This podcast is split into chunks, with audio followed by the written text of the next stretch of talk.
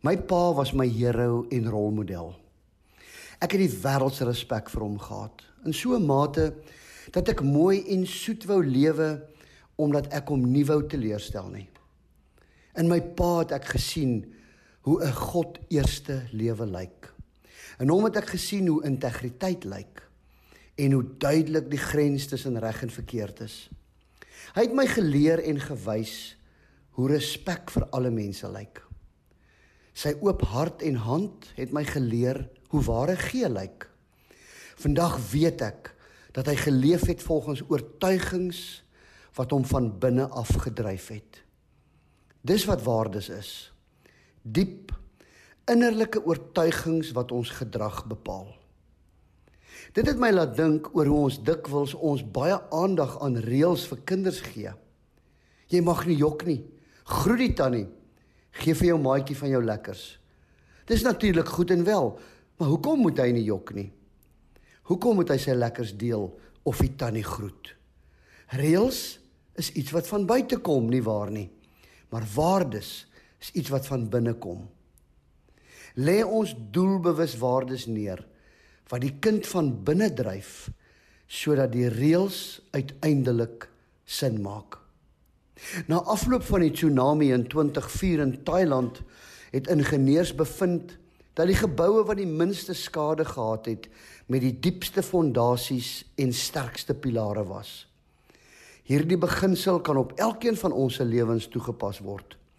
Die fondasie waarop ons kinders se geestelike huis gebou moet word, is Jesus Christus en ons Christelike geloof. Maar waardes is die pilare waarop hierdie gebou stewig staan, ook in storms. Ek en jy leef in 'n post-postmoderne wêreld met rekenaars, internet, virusse en 'n snel veranderende samelewing. In hierdie nuwe wêreld moet ons kinders koop en maniere vind om te oorleef en des te meer op hulle geloofs-oortuigings en waardes steun. Ek vra my twee seuns watse waardes hulle by my geleer het, want kinders leer waardes by hulle ouers. Genadiglik kon hulle 'n paar opnoem. En ek kan ook sien hoe van hierdie waardes die dryfveer in hulle lewens is. En ek en jy as ouer het die verantwoordelikheid om doelbewus te besluit watter kernwaardes hulle in in hul kinders se lewens wil sien en vestig. Die uitdaging vir my as pa lê egter daarin om hierdie waardes voor te leef. Die Engelse spreekwoord sê mos monkey see, monkey do. En ons kan leer, maar modelleer gaan die deurslag gee.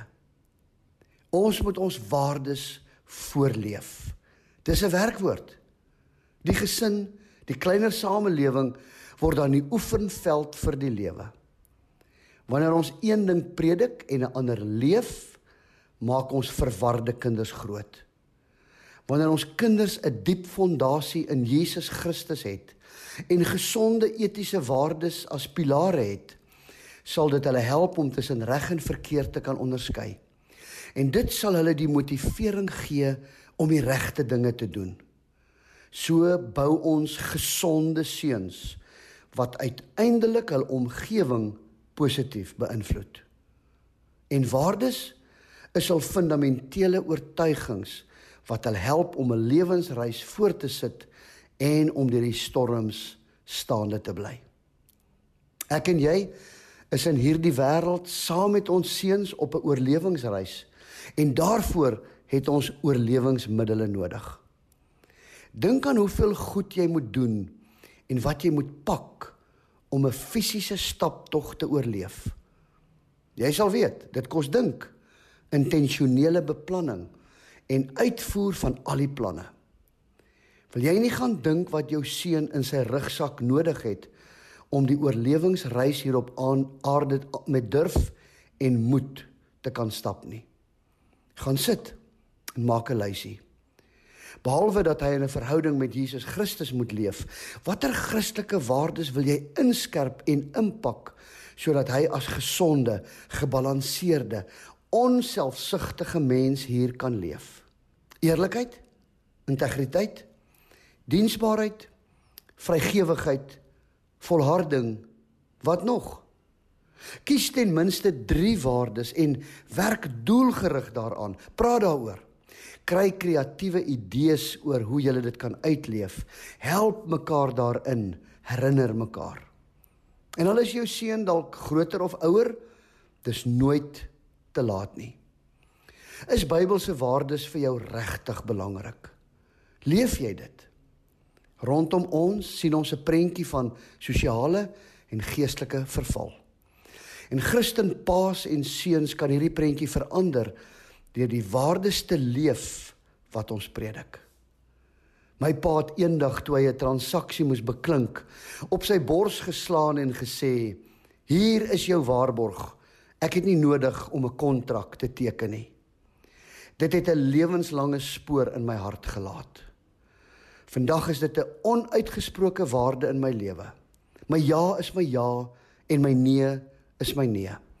En ek het dit by my seuns ingeskerp en dis die mate van integriteit wat jy jou seun ook moet leer. William Carey het gesê die toekoms is so blink soos God se waardes in jou lewe. Dalk is dit hoekom my pa so 'n geseënde lewe en toekoms gehad het. Ek sê altyd vir my seuns, die lewe is volop keuses. Maar om goed te kies, moet jy weet wie jy is en waarvoor jy staan. Geniet die lewe.